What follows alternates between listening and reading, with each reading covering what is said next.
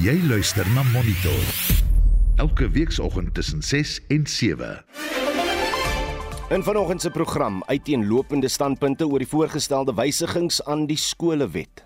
that have broken our schools, that have broken ESCOM, that have broken SAA, that have broken all the organizations that they are supposed to manage, and that are now finally trying to destroy permanently education. Is there something wrong to request that all these schools must belong to all our children? Because they've got a better color of skin, they think the school belongs to them alone. We must reject that, and I'm unapologetic with that aspect. Miljoene psigiatriese pasiënte wag op behandeling vir geestesgesondheidstoestande. We see the symptoms of this through gender based violence, through abuse against children and other vulnerable people in our society, through the kinds of statistics that make us notorious. En ons vra wat is die implikasies van Eskom se salarisooreenkoms met stakende werkers? Welkom by Monitor. Die redakteur vanoggend is Joan Marie Verhoef, produksieregisseur Daitron Godfrey en ek is Udo Karelse.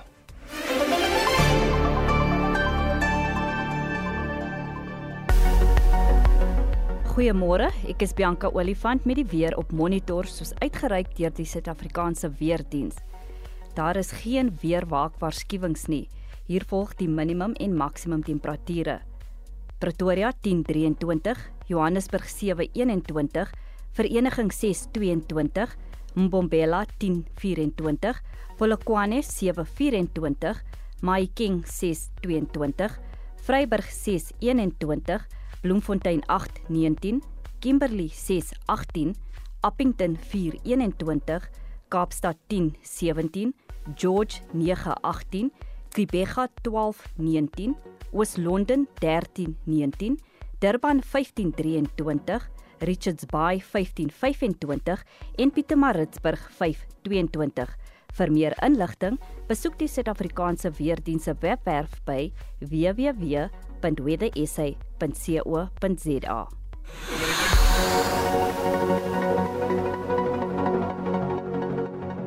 Daar is geen verkeer.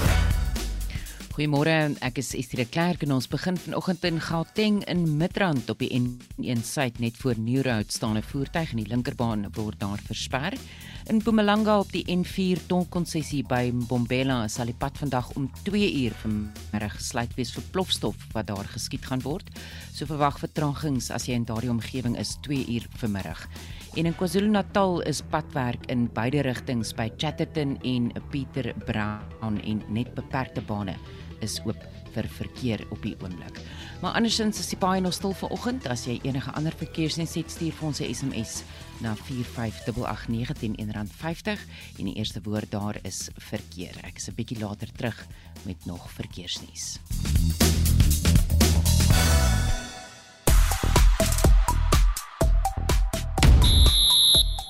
Crickettoetsreeks tussen Engeland en Indië wat in 2021 begin het, kom eindelik tot 'n einde. Novak Djokovic se kanse vir 'n sewende Wimbledon titel word net net lewendig gehou en daar is weer gerugte oor 'n moontlike Formule 1 Grand Prix in Suid-Afrika in 2023. Ek is Shaun Jooste en is later terug met meer inligting.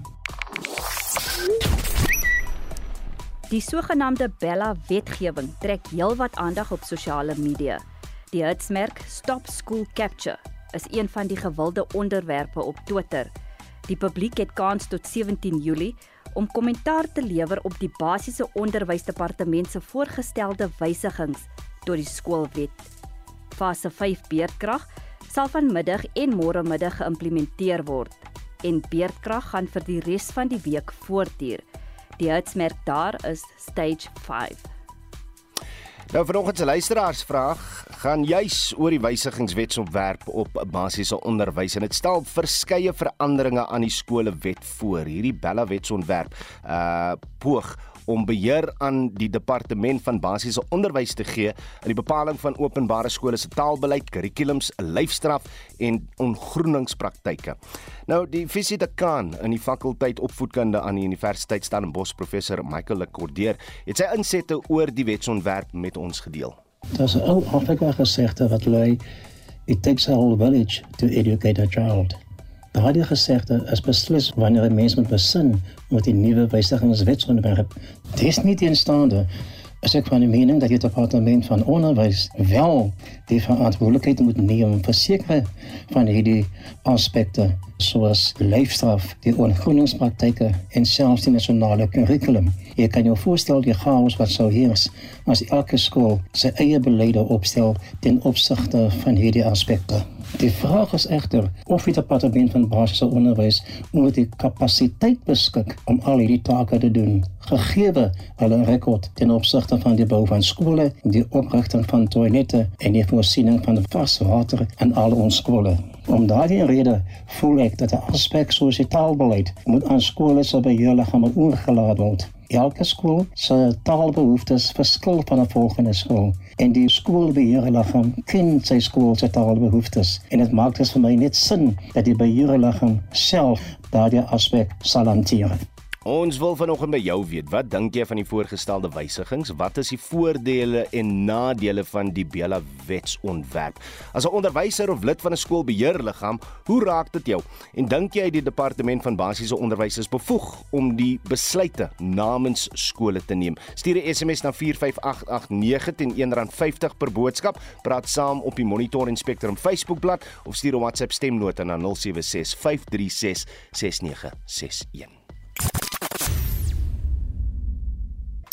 Monitor jou oggendnuusprogram op RSG 13 minute oor 6.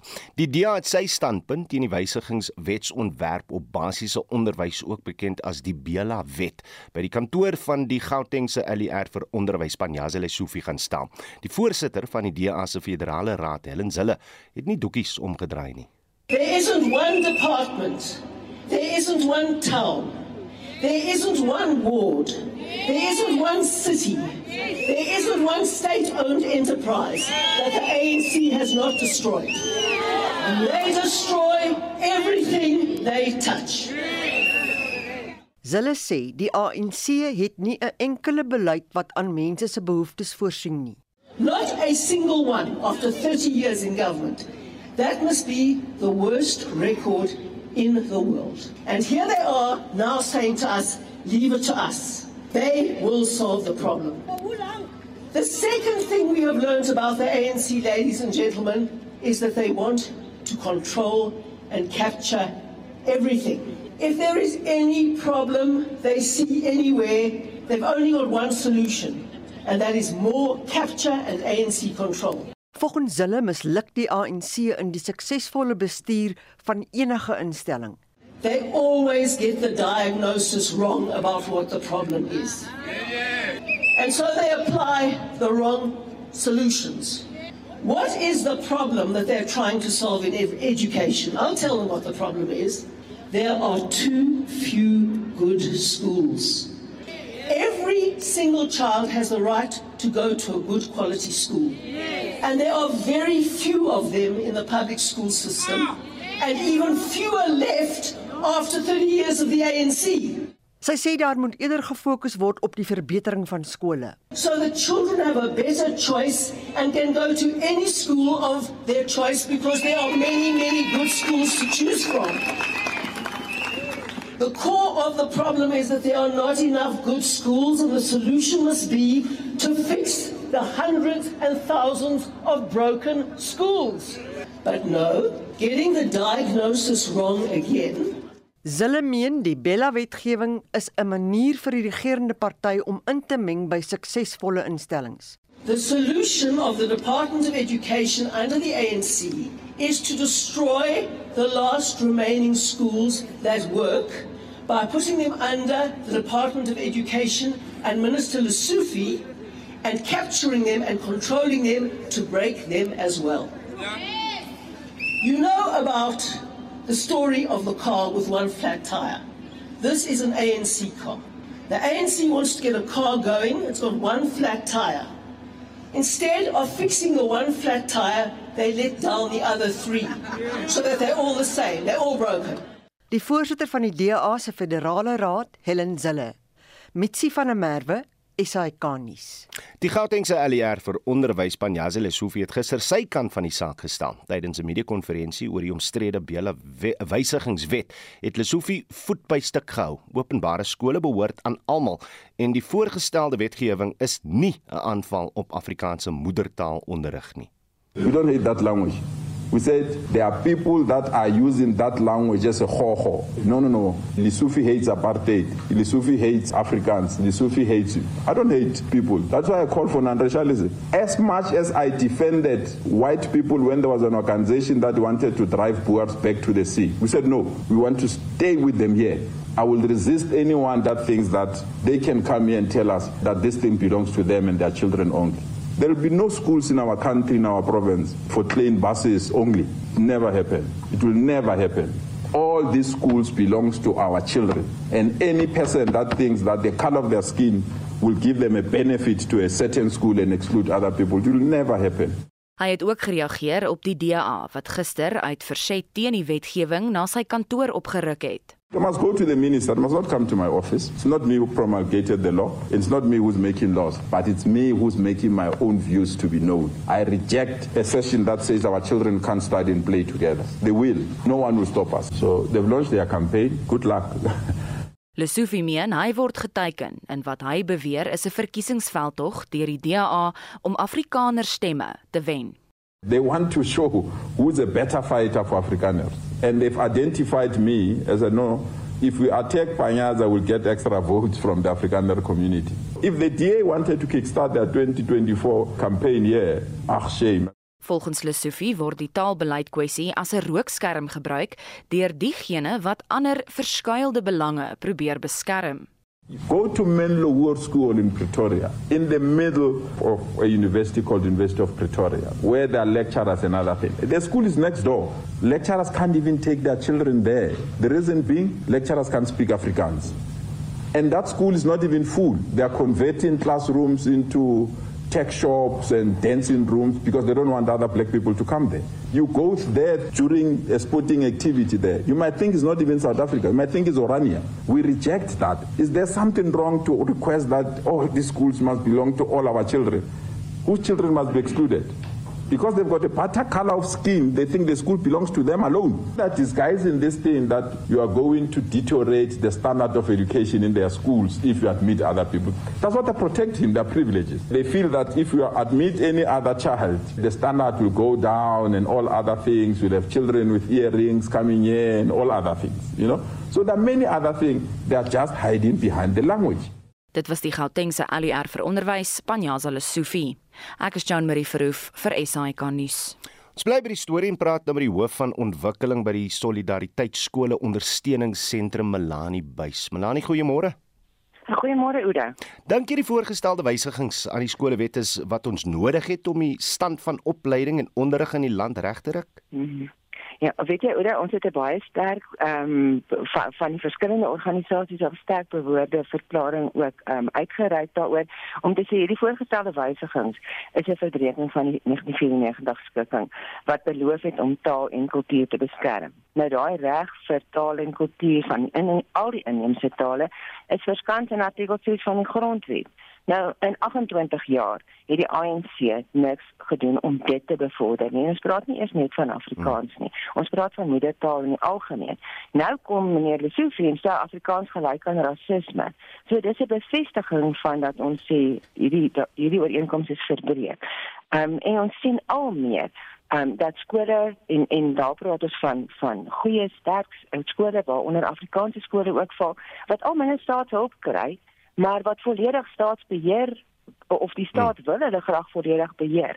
Ons sien dat meeste van die van die kwintiel 5 skole of van die skoolgeldskole, ons nie eens kwintiel 5 alleen, maar dat hulle um, minder as 20% van hulle begroting van die staat af kom, maar die staat wil 100% dit beheer. En ons sê dit dit kan nie. Dit is ook nie ter bevordering van die multikulturele en en um, aard van ons volk nie of van die hele groter Suid-Afrikaanse gemeenskap nie. Melanie help my gou net bietjie uit en ek gaan nou bietjie persoonlik praat. Hmm. As ek na my woonbuurt kyk, gebruik hom as 'n hmm. voorbeeld.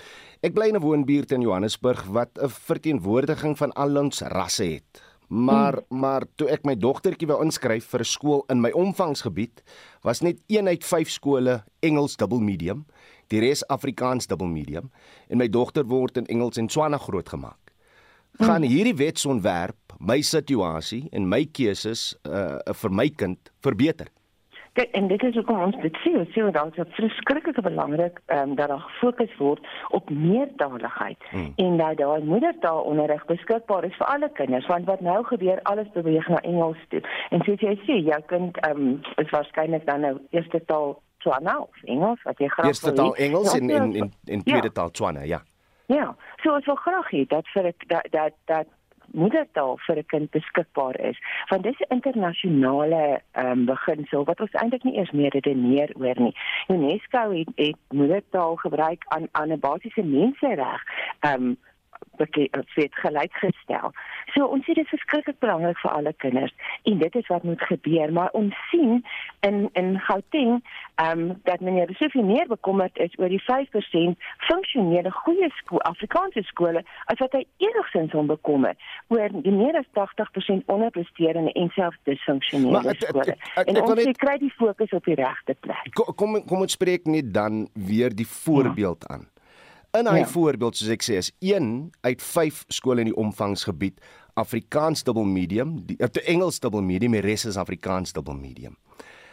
Ja. Maar tog is die gemeenskap waarin hy skool bestaan veel hm. meer gebalanseerd as as as jy verstaan wat ek bedoel as ja. as meer ja. Engels uh en, en nie meer Afrikaans nie. Ja. En ek dink die beginsel wat jy noem is dat die gemeenskap se behoeftes mm. bepaal wat die taal van die skool ook is. En dis hoekom ons baie sterk sê en ehm um, en teen veral die wysiging byvoorbeeld in die in of die voorgestelde wysiging om te sê dat die gemeenskap wat verteenwoordig word deur 'n skoolbeheerliggaam nou vervang word die finale besluit lê nou by 'n aangestelde amptenaar soos mm. meneer Lesofie wat polities bevoordeeld is en hartig is op 'n sekere gedeelte van van die gemeenskap. Verstaan jy? So die gemeenskap weet wat hulle behoefte is. En daarom is dit belangrik dat dit op daai vlak, op skoolbeheer vlak, die die finale besluit lê, soos dit tans is, om te sê die taal en toelating word deur die beheerliggaam bepaal wat deur jou gemeenskap verkies word. En ons sê dit dit kan moet nie verander nie. Dit is belangrik. Dit was een van die grondbeginsels van die nuwe skolewet um, wat in 1996 in in gebruik geneem is om te sê die gemeenskappe besluit wat hulle behoefte is en ken hulle omstandighede. Maar dan aan die ander kant, ehm um, jy weet as jy kyk wat gebeur op die oomblik in Gauteng, ons sien dat in die laaste 8 jaar is daar 170 minder skole in die provinsie, hmm. maar 370 000 meer leerders. So dit is waar die druk vandaan kom. Nou meneer Sofie praat van rookskerms. Ons is bekommerd dat al hierdie politiek wat hy rondom Afrikaanse skole gooi, gaan eintlik om sy prestasie in die 8 jaar wat hy LDR was, hmm. eintlik toe te sneeu.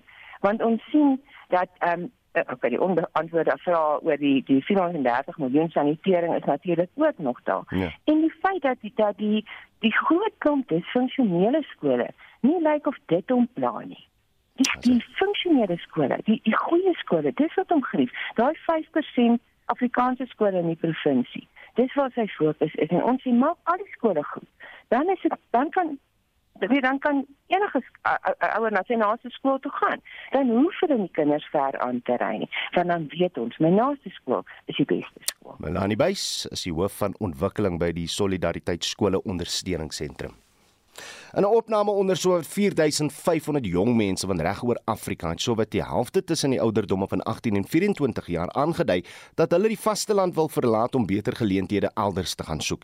Die verlies aan kundigheid, tesame met 'n gebrek aan kritiese vaardigheidsontwikkeling in Suid-Afrika, kan lei tot 'n reuse tekort aan kundigheid in die nabye toekoms. Vir meer hieroor praat ons nou met Dr Linda Meyer van Universiteit van Suid-Afrika. Linda, goeiemôre. Goeiemôre Oudo. Die opname deur uh, die African uh, Ichikovich Familiestigting toon byvoorbeeld dat baie mense op die vasteland hier in Suid-Afrika wil kom vestig, maar dat Suid-Afrikaners eerder uitwyk na die buiteland. Wat sien mense uit ander Afrika lande in Suid-Afrika wat ons eie Suid-Afrikaners bietjie miskyk? Uh, wil net voordat ons uh, praat oor wat die geleenthede is en hoekom mense hiernatoe moet kom, moet ons net jy weet realisties wees dat die steekproefe baie klein uh veralgemening vir ons bring want hmm. dit is net 4 4500 respondente en soos ons weet dit is 22 miljoen jeug in Suid-Afrika. Natuurlik, ja. En en natuurlik is dit nie net maklik om te immigreer nie. Ehm um, maar wat belangrik is wat die mense sê wat vir hulle aanstaan is uh, interessante uh, faktore soos in Nigerië waar die jeug baie bekommerd is om uh oorkapings en uh en byvoorbeeld die ekonomiese kondisies in lande die hoë aansag vir uh, ons onderwysstelsel in Suid-Afrika uh jy weet korrupsie in hulle eie lande politieke instabiliteit ehm um, jy weet in 'n in 'n hele aantal ander minder minder uh gesegde van die faktore wat wat hulle aanstaan. Sê my wat sou die ekonomiese impak wees as soveel kundigheid Suid-Afrika en ook Afrika moes verlaat? Wel die ekonomiese impak is natuurlik ons soos ek gesê het, ons moet net realisties wees. Mm -hmm. Is dat ons 'n uh, 'n uh, 'n uh, jeug uh, unemployment rate het van 66%. So dit staan aan dat dat ons natuurlik moet verstaan as mense die land uitgaan as ons praat van kundigheid wat die land uitgaan, beteken dit dat daar nie kundigheid is wat kan instaan om daai spesifieke kundigheid oor te vat nie. En daar's 'n hele lyn van mense wat in lyn staan om daai kundigheid dan uh, op te vang. Hmm. Maar die ekonomiese impak byvoorbeeld as ons iemand oplei in 'n universiteit, is die direkte impakkoste vir ons nadat ons iemand deur 'n graad gesit het. Want onthou in publieke universiteite sonder NSFAS word die grade met 50% gesubsidieer. So ons kyk na na omtrent 1.3 miljoen hmm. vir elke kundige persoon wat deur die universiteit was wat die land dan verlaat. So op die oomblik is ons praat van kundigheid, as ons praat van hierdie breindrein, hmm. moet ons ook net versigtig wees want ons kan nie net aanstaan dat jy weet dit beteken dat dat iemand die land uitgaan en dat daai spesifieke ehm um, skillset baie moeilik is om te vervang. En op die oomblik met die jeug moet ons net verstaan dat dat dit nie die realiteit is uh, vir ons nie, maar ons grootste bate in Suid-Afrika is ons jeug. Want dit is die toekoms uh, van ons land. So as mense begin praat om land uitgaan of dit nou realisties is mm -hmm. of nie, moet ons luister. Want die faktore wat hulle aanbring is regtig die faktore wat die jeug ontstel en onstabiliteit in die land veroorsaak. Dan moet ek vra, doen ons genoeg om ons jeug se vaardighede in Suid-Afrika te ontwikkel? Ons doen wat ons kan met die geld wat ons uh, beskikbaar het, maar ons doen definitief nie genoeg nie. So as ons kyk na ons skoolkurrikulum, byvoorbeeld met entrepreneurial ehm um, vaardighede, regtig uh onder onder uh lig gebring word sodat mense met die regte vaardighede skool verlaat en nie net kyk om vir iemand anders te gaan werk nie. Hulle eie besighede begin, maar ook dat ons kyk na hierdie uh aan aanbag uh geleenthede wat toestaan, jy weet die die, hmm. die soos hulle sê the age old adage dat iemand eerder 'n unemployed uh prokureur sal wees as 'n werkende plammer. En ons moet daai persepsies begin verander ehm um, sodat mense verstaan waar daar werkgeleenthede is en hoe hulle self kan ehm um, regtig in die werksmark insit met uh uh met skills wat, wat nodig is in die Suid-Afrikaanse ekonomie. En dit was Dr. Linda Meyer van Universiteit van Suid-Afrika. Jy luister na Monitor. Elke week saam tussen 6 en 7.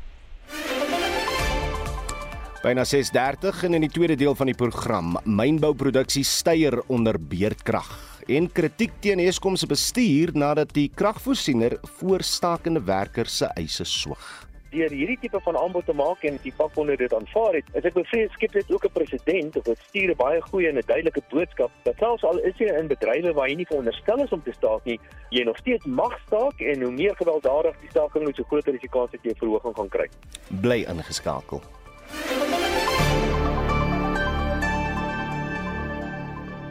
Daar is geen verkeer. In Pretoria op die N1 suid net na die R21 by die Vleenepering wisselaar is padwerk en die twee linkerbane word versper daar. In Johannesburg op die N12 Wes net na Kliprivier wegstaande voertuig en die linkerbaan word versper en in Mpumalanga by Mbombela is betogings tussen die Manya Mamaza en die Karino wisselaars en die pad is gesluit daar so gebruik liefs 'n alternatiewe roete as jy in daardie omgewing is. Indien jy enige ander verkeersnuus het, stuur vir ons 'n boodskap na 45889. Onthou dit kos R1.50 per SMS en begin jou boodskap met die woord verkeer. So vanoggend in ons brandpunt vraag vra ons jou wat uh, jou mening is oor die wysigingswetsontwerp op basiese onderwys oftewel die Bela wetsontwerp. Ehm um, Werner Marnewek sê hoe kan sulke instansies besluite neem as hulle nie eers self kan orden nie? Ek as onderwyser kan nie 'n besluit maak rakende ander skool as ek nie weet wat daar aangaan nie.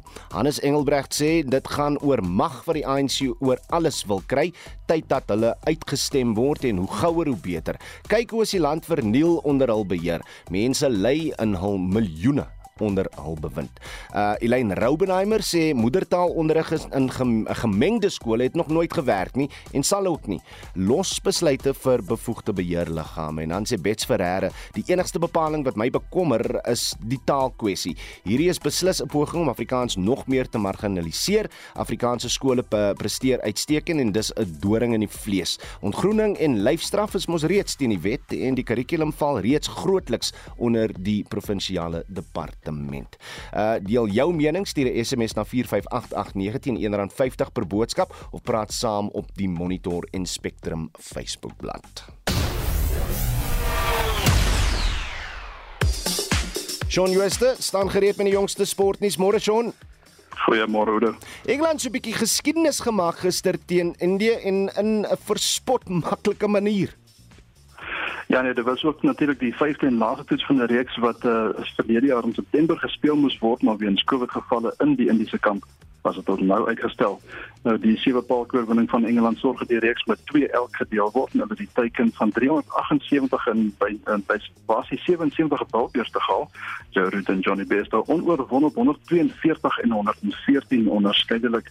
Engeland se benadering maak dit nou 4 uit 4 sedert die Nieu-Seelander Brendan McCullum as afrigter aangestel was en voorheen kon hulle slegs 1 uit 17 toetse wen. By Wimbledon het ek gister bietjie uh, Novak Djokovic se wedstryd gekyk en wat 'n fantastiese wedstryd was dit nie.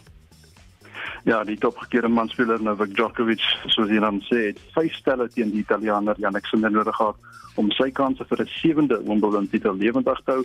Die telling 5-7, 2-6, 6-3, 6-2 en 6-2. In die vroue afdeling het die derde gekeerde ons weer ook na die halfeindronde deurgedring en dan vandag se twee groter kwartfinale is die tweede keer as Spanjaard Rafael Nadal en die 11de keer die Amerikaner Taylor Fritz en in die vroue afdeling die nommer 16 van Roemenië Simona Halep en dis die nommer 20 ook van die FSA Amanda Anisimova. Ek wil ook net noem dat Suid-Afrika se uh, Billie Jean King span hulle Euro Afrika groep 3 kragmeting teen Botswana gister met 3-0 gewen het. Wie ek wens tog hierdie onder 20 rugby somerreeks in Italië was eintlik 'n wêreldkampioenskap van ons span vaar uiters goed son. Ja nee, hulle vaar baie baie goed. Nou dat uh, Frankryk gisterand met 42-27 afgeronsel en natuurlik bo aan groep A geëindig. Ons wag nou om te sien of hulle teen Italië of Wales gaan speel om te bepaal wie die wenner van die kampioenskap sal wees. Dan ook by die onder 18 Kruiwenweek het die Bloubulle gister 38-19 teen die Goue Leeu's geseëvier en SWD wen 29-19 teen die Cheetahs. Wat die jongste by die vroue wêreld uh, hokkie hokkie wêreldbeker?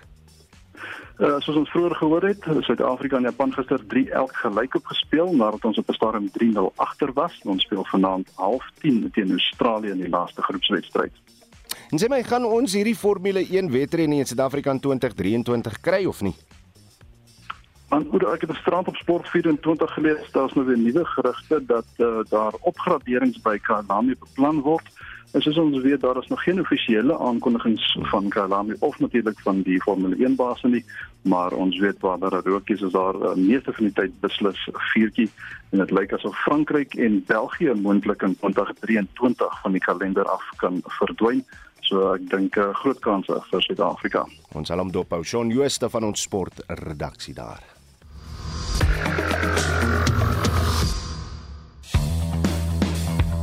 Wat behels fase 6 beurtkrag? Wat kan ons te wagte wees? Nou ek dink dink aan vandag hulle moet vir ons begin sê wanneer die ligte wel gaan aanwees. Dit gaan korter wees. ja. Ek bedoel ek moes gister vir my 'n nuwe hekmotorbattery gaan mm. aanskaf. Die toerusting is net nie gemaak om so ewig aan en af geskakel te word nie. Hekmotors is een alarmstelsel soos 'n ander ding met beurtkrag fase 6 en 8 gaan batterye wat veronderstel is om dalk 2 of 3 jaar te hou dalk 'n paar maande na 'n jaar hou. Spectrum, weksmiddag tussen 12 en 1 net op RSG. Monitor jou oggendnuusprogram op RSG. Professor Herman Wasserman sluit in Januarie volgende jaar by die Universiteit Stellenbosch aan as die voorsitter van die instelling se departement journalistiek. Wasserman is tans 'n professor in media studies aan die Universiteit van Kaapstad. Voor sy akademiese loopbaan het hy as verslaggewer vir Media 24 gewerk. Sy dekadeslange loopbaan sluit aan talle erkennings plaaslik en internasionaal vir sy werk en navorsing in die media en journalistiek. Vir meer oor sy planne vir Mati sluit Wasserman nou by ons aan. Goeiemôre, Herman. Goeiemôre, hoe gaan dit? Nee, dit gaan goed met my. Ek wonder tog hoe gaan dit met die journalistiek, die media verplig en tans onderdruk om die publiek ingelig te hou. Slaag ons daarom nog daarin? Ja, natuurlik, ehm um, is daar nie net eens vra nie, die media slag dit kos daarin om om die publiek ingelig te hou, maar ek dink dit is ook die rol van die akademie om op te lei om dit beter te doen, uh in om ook veiligheid te Maar ek dink ons moet onthou dat in die afgelope paar jaar in die in hierdie land is die media baie belangrik of baie belangrik rol gespeel het om korrekte aan die kaart te stel om mense ingelig te hou oor wat in politiek aangaan. Um, so ja, ek dink die media is uh, absoluut net so rol. Sy kyk na wat in Suid-Afrika tans aan die gang is. Korrupsie, swak dienslewering, uh, swak bestuur van staatsbeheerde ondernemings. Suid-Afrikaners meen dat dat dat kwessies soos hierdie uh die oorsaak is vir hulle moedeloosheid. Wat is na jou mening die rol van die media te midde van al hierdie omstandighede? Want ek dink deels is die media se rol om vir mense te wys wat um, aangaan, om vir hulle te vertel wat aangaan en ongelukkig is dit nie altyd 'n goeie storie nie, soos ons nou weet. Ek staan hier buite in die donker en in weerkrag. maar ek dink dit is ook um, die rol van die media om te mense te verduidelik hoekom dinge gebeur. Nie net wat gebeur nie, maar hoekom dinge gebeur om te help analiseer, help verstaan En dan kom jy help om soek vir oplossings om te sê wat kan hier dan gedoen word. So dit nie om daardie moedeloosheid terug te kaat na mense nie, maar om hulle te help verstaan wat kan hulle doen om hulle help om help te magtig. So ek dink die media het verskeie rolle in in in so omstandighede. Ek ek wonder hoe, hoe het jy gevoel oor hoe die media breedvoerig die onluste in Julie verlede jaar gedek het? Ja, natuurlijk, um, met praat van die media, daar is natuurlijk verschillende, verschillende soorten media, verschillende platforms, verschillende um, uh, kranten, hmm. audio, televisie en zo. En, en in verschillende manieren gereageerd, op verschillende manieren gerapporteerd. Maar weer eens, ik denk dat het is wel belangrijk um, dat die media mensen ingelig houden daarover. Ik denk die, die, die media, en ik, ik heb niet altijd geweten precies wat aangaan om zo'n dingen ontvouw niet. Um, de dingen het eerst later duidelijk geworden, zo ik denk wanneer 'n mens breek is dit ook deel van die idee om te probeer verstaan wat gaan nou hier aan en hoe kan ons beter verduidelik en hoe kan ons help om vir die publiek om sin te maak van die gebeure. Ons het nou vroeër op die program gepraat oor uh jong mense wat altyd in die ouderdom 18 en 24 wat nou die land wil verlaat want hulle sien nie dat daar 'n toekoms vir hulle hier is nie. Uh wat is die toekoms van van journalistiek en en sal jy aanraai dat jong mense eintlik nog hierdie hierdie veld gaan bestudeer? Ja, absoluut. Ek dink die media se rol vandag is omtrent miskien um, van die mees uitgebreide en belangrikste wat dit is was in 'n lang tyd. Uh, eerstens die media um, vorm deel van ons lewens omtrent op elke gebied, sosiale gebied, ekonomiese gebied, politieke gebied. Ehm um, so moet so wat jy doen nie waarskynlik gaan dit doen in en deur media. So um, om uh, opleiding en beter begrip te kry van die media is eintlik vir almal baie belangrik. Maar as 'n loopbaan dink ek is dit veral ook in 'n land soos ons 'n geleentheid vir jong mense om by te dra om die samelewing te verbeter, om by te dra om kritiese vrae te vra, om by te dra om um, vir mense geleenthede te gee om uh, hulle omgewing en hulle lewe beter te verstaan.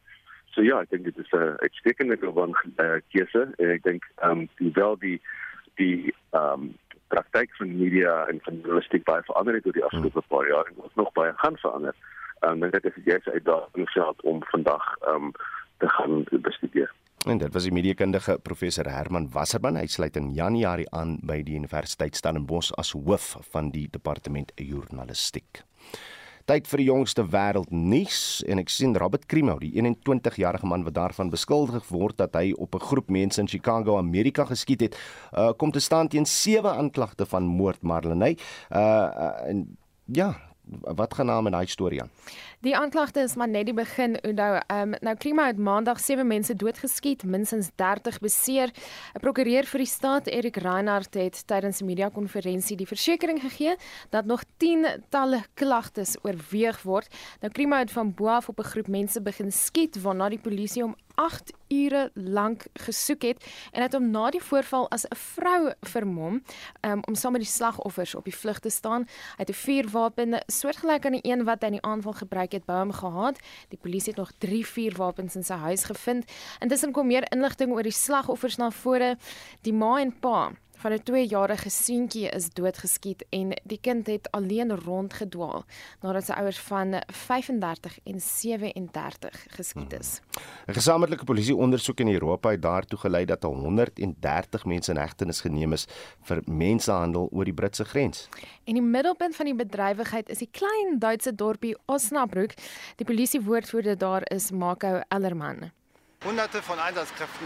Hundreds of police and special forces have been in action this morning in many countries, not just Germany, but also Belgium, France, the Netherlands, and Great Britain. En dan eh, van die verdagtes word nou daarvan beskuldig dat hulle tot 10000 mense oor die Britse kanaal na Engeland gesmokkel het. Ons hou verwikkelinge daarop. Intussen voer die Britse premier Boris Johnson steeds 'n stryd om oorlewing, dit nadat uh, twee van sy mees invloedryke ministers bedank het. Ja, hulle het nie meer vertroue in Johnson se leierskap nie. Nou dit volg op daardie COVID-19 partytjie in Downing Street 10 waaroor mense net nie uitgepraat raak in Brittanje nie. Reaksie uit politieke kringe is gemeng. They backed him when he broke the law. They backed him when he lied. They backed him when he mocked the sacrifices of the British people. So they have been complicit as he has disgraced his office and let down his country. Uh, I think that he is the right man for the job. He has a very significant mandate from the British people. He won a majority of 80 only just over two and a half years ago. And these sort of squalls happen in politics, but the best politicians carry on calmly. Maar die Britse media neig duidelik na een kant toe. Azadeh Mashiri, die BBC-joernalis, het van die opskrifte in Brittanje vanoggend. If we start with the Times, you've got Johnson on the brink on the front page with Boris Johnson essentially taking up the whole front page. The Guardian and the Financial Times both have very similar headlines. PM on the brink. The Daily Telegraph here says that Johnson is hanging by a thread. The tabloids are typically a lot more colourful, uh, and they didn't disappoint this morning. The Daily Mail goes with Can even Boris the greased piglet wiggle out of this? Net die tyd sal leer, dis beslis 'n storie wat ons gaan dophou. En dit dan Marlene Forsie met uh, ons jongste wêreldnuus. Sommige kenners meen mynmaatskappye in Suid-Afrika kan gedwing word om bedrywighede permanent te staak indien beerdkrag voortduur. Maar wat is die werklike koste van beerdkrag om die mynbedryf, 'n mynboubedryf? Pieter Meyer, 'n mynboubedryf ontleder, uh, sê as die syfers ontleed word, is die koste hopeloos te hoog. Employment in the mining industry probably hasn't been this low in a hundred years. If we look at the gold industry that used the most electricity at all, employment hasn't been this low in probably 120 years, 130 years. We probably have 80, 85,000 people employed in gold. We're producing about the same gold we did probably before the Boer War but we probably have over 40 45% of the world's gold still here. Of dit nou goud, steenkool of platinum is, elektrisiteit is die lewensbloed van alle mynboubedrywighede. It's so important. That's why the government in the 1920s realized they had to form ESCOM if they wanted to grow their gold industry. If they wanted to grow their mining industry, they had to form ESCOM to get cheap, widely available, very reliable electricity. Benewens die koste van beerkrag vir die land, glo Major dat die koste vir die mynboubedryf omvangryk is. It's the prevention of investment in mining and because the costs of electricity are so high, not just the actual cost, but it's so unreliable that the investment dollars are not coming into this country. And they really haven't been coming into this country for the last 10 to 15 years. This country is just seen as such high risk, and I think the electricity is probably the last nail in the coffin. Duur elektrisiteit is 'n probleem wat maklik omseil kan word, maar onbetroubare elektriese toevoer maak die bedryf dood, aldus Major. If it's just expensive, you can make a plan. But if it's not reliable, men's lives are at stake. And we know the government is on top of the mining industry, hammering them on safety all the time. The unions are hammering them on safety. Overseas investors are hammering safety issues on all mines all over the world. So if you're underground, you don't have reliable electricity. It is way too risky. You don't want to be involved. Major het 'n paar idees oor hoe die beerdkragprobleem opgelos kan word. I would lobby the government nonstop. I would probably have to handcuff myself or get my backpack and army tent, and I would have to camp wherever Parliament was in session. And I would plead with them to make special exemptions, special policies to allow me to run a viable business. You really need carte blanche. I mean, what you need is legislation designed to facilitate the smooth operation of a vital industry. Hy sê huidige regeringsbeleid verhoed dat sakeondernemings volhoubaar bestuur word. A politician getting on TV and saying, Mr. De Ruyter or whoever is head of ESCOM has our full support. That doesn't mean anything. It's the reality of the policy and legislation that that person has to deal with. Pieter Major, 'n mynboubedryf ontleder. Mitsi van der Merwe, SAK nuus. Die instelling van beerdkrag is om Russiese roulette met pasiënte eh, pasiënte se lewens te speel, soos die hoof van interne medisyne by die Charlotte Maxeke Hospitaal in Johannesburg, professor Adam Mohammed. En volgens die DA se LER vir gesondheid, Dr Jack Bloem, is die uitwerking van kragonderbrekings op staatshospitale verwoestend. Hospitals get affected just like everybody else, and emergency generators can't compensate fully. You can only do emergency surgery, so ordinary surgery has to be delayed. And the other problem is that there's batteries in other equipment that, that just runs out, and equipment also gets damaged with all the switches on and off. And of course, patients' lives are at risk. It's also a big problem sometimes that uh, generators don't work and they run out of diesel. Bloem sê dit het die afgelope naweek by die Verre Oosrand Hospitaal gebeur. And I think there should be accountability for it. It's not difficult to procure diesel, and they should always make sure that there's diesel on hand. But it's also important that generators are serviced regularly and that they always work. But it's only part of the problem because the hospitals can't fully function even on generator power. Die onderhoud van kragopwekkers by staatshospitale is volgens Bloem ononderhandelbaar. Then we need to talk very seriously about exempting hospitals from load shedding.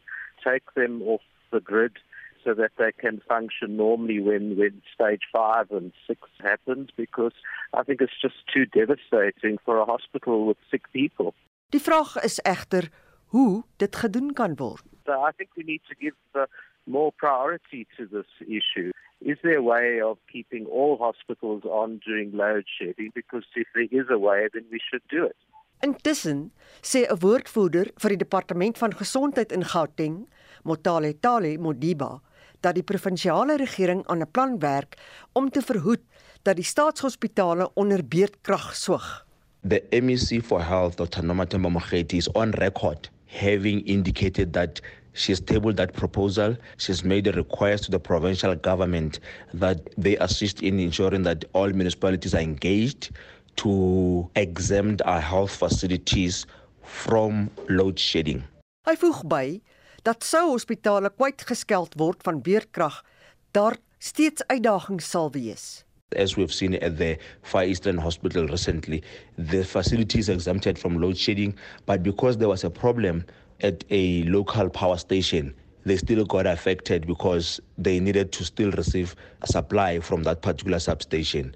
A number of measures have been put in place by the department, and those includes that we are servicing our generators regularly. It's also ensuring that there is diesel supply to the facilities, but also we're working with multiple stakeholders to look at what could be some of the long-term sort of solutions that could be implemented.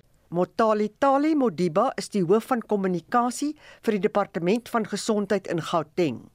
Mitsi van der Merwe, SAK nuus. Ons bly by nuus oor die land se kragkrisis. Die vakbondlede van Nomsa, Noem en Solidariteit het al sin gekry met 'n 7% verhoging nadat Eskom baase gister voor hul eise gesoog het. Die ekonom Dawie Rood van die Efficient Groep het sy reaksie hierop met Anita Visser gedeel. Ek is nogal teleurgestel in die bestuur van Eskom dat hulle hoegenaamd hierdie tipe van verhoging aangebied het vir die vakbonde. Die vakbonde en die werkers van Eskom word oor die algemeen baie goed betaal. Hulle is ook beskermde werkers deurdat hulle kan nie maklik hulle werke verloor nie. Daar's nie hulle loop nie die tipe van risiko wat die private sektor loop nie en deur hierdie tipe van aanbod te maak en hulle die vakbonde dit aanvaar het, is ek bevrees skep dit ook 'n presedent of dit stuur 'n baie goeie en 'n duidelike boodskap dat selfs al is jy in bedrywe waar jy nie veronderstel is om te staak nie, jy nog steeds mag staak en hoe meer gewelddadig die staking is, hoe groter is die kans dat jy 'n verhoging gaan kry. Ek dink dit was die verkeerde benadering van die bestuur van Eskom om hoegenaamd hierdie aanbod te maak aan die vakbonde en ek dink dit soos enigiets anders dat as jy weer toegee aan rampokkery, dan gaan jy die slagoffer van toekomstige rampokkery ook wees. Met ander woorde, ons kan seker wees ons gaan dit weer sien. Ek het min twyfel daaroor. Ons het die afgelope klompe jare al klomp kere gesien dat Eskom veral maar van die ander staatsbeheerde instellings ook dat hulle bo-inflasie aanpassings byvoorbeeld gekry het en dit is onder andere as gevolg van intimidasie en ander taktieke wat glad nie wettig is nie wat hulle gebruik het. En in die geval van Eskom is hulle werkers wat nie eers veronderstel is om te staak nie en ek hoop net ten heel minste dat Eskom gaan optree teen daai mense wat hulle skuldig gemaak het aan geweld en rampokkery en dies meer. Maar die probleem is, dit stuur 'n boodskap aan ander sektore. Ja, die realiteit is Anita, is dat jy weet wat ons tans in Suid-Afrika ervaar is baie hoë vlakke van werkloosheid, hoë vlakke van armoede. Mense kry werk swaar met die stygings in voedselpryse en in brandstofpryse byvoorbeeld. Mense raak desperaat en as jy nou 'n boodskap gestuur word dat as jy ontwrigtend van aard is, dan kry jy 'n tipe van verhogings wat jy eis dan is ek bevrees kan dit moontlik daartoe lei dat ons meer van hierdie tipe van stakings in Suid-Afrika gaan sien. Ek is in elk geval baie bekommerd oor die sosiale spanning wat baie duidelik besig is om op te bou in die land en dit is net 'n klein vonkie wat natuurlik kan lei tot anargie en grootskaalse geweldpleging en alles wat daarmee saamgaan. Hoe sou jy dit bestuur het? Wel, ek dink die boodskap oor baie jare is nou reeds gevestig by Eskom is dat die werkers daarso wat nie veronderstel is om te staak nie, het al geleer uit ondervinding dat as hulle staak en hulle ontwrig die land en ontwrig die ekonomie en dit is nie Eskom nie, dit geld vir baie ander werkers ook, byvoorbeeld munisipale werkers, maak hulle ook nogal skuldig daaraan. Dit is nou 'n gevestigde praktyk, hoe meer gewelddadig, hoe meer ontwrigting, hoe beter is jou kans dat jy verhoging gaan kry. Ek dink Eskom se leierskap moes nie hierdie tipe verhoging gegee het nie. Dis bo inflasie en dit is elk geval hopeloos te veel gegee die feit dat Eskom 'n bankrotmaatskappy is. Hulle moes baie minder gegee het. Hulle moes voet by stuk gehou het en hulle moet optree teen mense wat hulle van misbruike skuldig gemaak het. En beleggers gaan nie blind wees vir wat hier gebeur het nie. Dit is al jaar terug nou dat ons gesien het wat gebeur het byvoorbeeld in KZN. Ek is bevrees dat die internasionale beleggers is al reeds skie om in Suid-Afrika te kom belê omdat ons net eenvoudig nie krag het nie en nie net kan ons nou duidelik sien dat ons nie elektrisiteit het nie, ons het ook baie swak arbeidsverhoudings in Suid-Afrika. So nee, ek is bevrees dit gaan sekerlik baie sleg wees vir Suid-Afrika se beeld. Maar dan moet mense ook byvoeg dat georganiseerde arbeid in Suid-Afrika is 'n baie swakker mag as wat dit was in die verlede. En ek dink wat mense ook hierso sien is georganiseerde arbeid of 'n bietjie wat van hulle wat nog oor is, raak so half desperaat omdat hulle besef dat hulle besig is om van hul mag te verloor. En hierdie tipe van optrede gaan daartoe lei dat georganiseerde arbeid in die toekoms net nog swakker gaan wees. Maar ongelukkig is dit so dat die boodskap loop baie duidelik gestuur is dat Eskom uiteindelik nou maar gesoog het voor die aanslag van die vakbonde. Dit aan die hoofekonoom by die Vision Groep, Dawie Rood en Anita Visser het daardie onderhoud met hom gevoer. Daar is geen verkeer. In Kaapstad op die N1 net voor Plattekloof in die rigting van die stad staan 'n voertuig en die noodbaan word versper en daar was 'n ongeluk in Kaapstad op die N1 net na die Jipte Jager afrit op die M16 maar alle bane is oop vir die verkeer. En in KwaZulu-Natal op die N2 suid net na die Mthlouti wisselaar staan 'n voertuig wat die noodbaan daar versper. En onthou beerdkrag is deel van ons lewens, so talle verkeersligte is buite werking wanneer dit toegepas word. So onthou meer tyd toe te laat wanneer jy jou roete beplan. 'n Veilige reis vir jou vandag. So die Bela Wetsontwerp uh, poog om beheer aan die departement van basiese onderwys te gee in die bepaling van openbare skole se taalbeleid, kurrikulums, lyfstraf en ongroeningspraktyke. Ons vra van jou vra vanoggend by jou hoe jy voel daaroor. Dis wat uh, van die luisteraars vanoggend te sê het. Die publiek, die pa, die ma, ons moet meer seggenskap hê in die hantering van sulke sensitiewe sake Die regering ken die publiek glad nie. Dit is maar net sy onbevoegde mense wat voortgaan, voortploeter en dit is hoekom alles verval onder die regering se hande. Dis Frans wat praat. Ek het 'n probleem met hierdie nuwe wetgewings wat hulle wil doen. Hulle wil al hoe meer en meer beheer uitoefen. Ek het net een vraag. Hulle kan dan nie eers kyk na die skole wat hulle nou het nie. Hier in Rustenburg by Kroondal het ons 'n skool van 600 leerdlinge, Tiralong skool. Daai skool is verwoes. Die departement het nie 'n vinger geroer om daai plek te red of te wat nie. Hy is geplunder. Dis mirasies wat daar staan. Hoeveel nuwe skole het hulle gebou in die afgelope tyd? Maar hoeveel skole het hulle verwoes met hulle reëlings en hulle mag hepsig oor skole? Hulle kan nie eers hulle eie party beheer nie. Hoe wil hulle dit doen? Los dit by beheerliggame. Ons het die ouens wat daar is is bevoegde mense en hulle weet hoe om dit te hanteer. En ek praat uit ondervinding. Ek was self vir 6 jaar 'n voorsitter van 'n beheerliggaam. Die departement kyk net waar kan hulle stokke in die wiele insteek. 'n Wiel wat pap is, kan nie loop nie. Hou die wiel styf en in stand, dan sal die wiel rol. Anders gaan jy moet sleep soos 'n slee. En ons is bank baie lank al by daai punt verby. En dan op die SMS lyn sê Barend van der Merwe, daar is voordele en nadele, maar die regering is lief om wette te skryf, maar weinig van die wette word in elk geval toegepas. Die regering is ook totaal onbekwaam en sal die skole bestuur soos wat Eskom, Prasa, die Poskantoor, SAL, staatsdepartemente, die SAIK en so voort sal bestuur word. Die regering het 'n patetiese rekord en wil net alles sentraliseer omdat dit magsdronk is.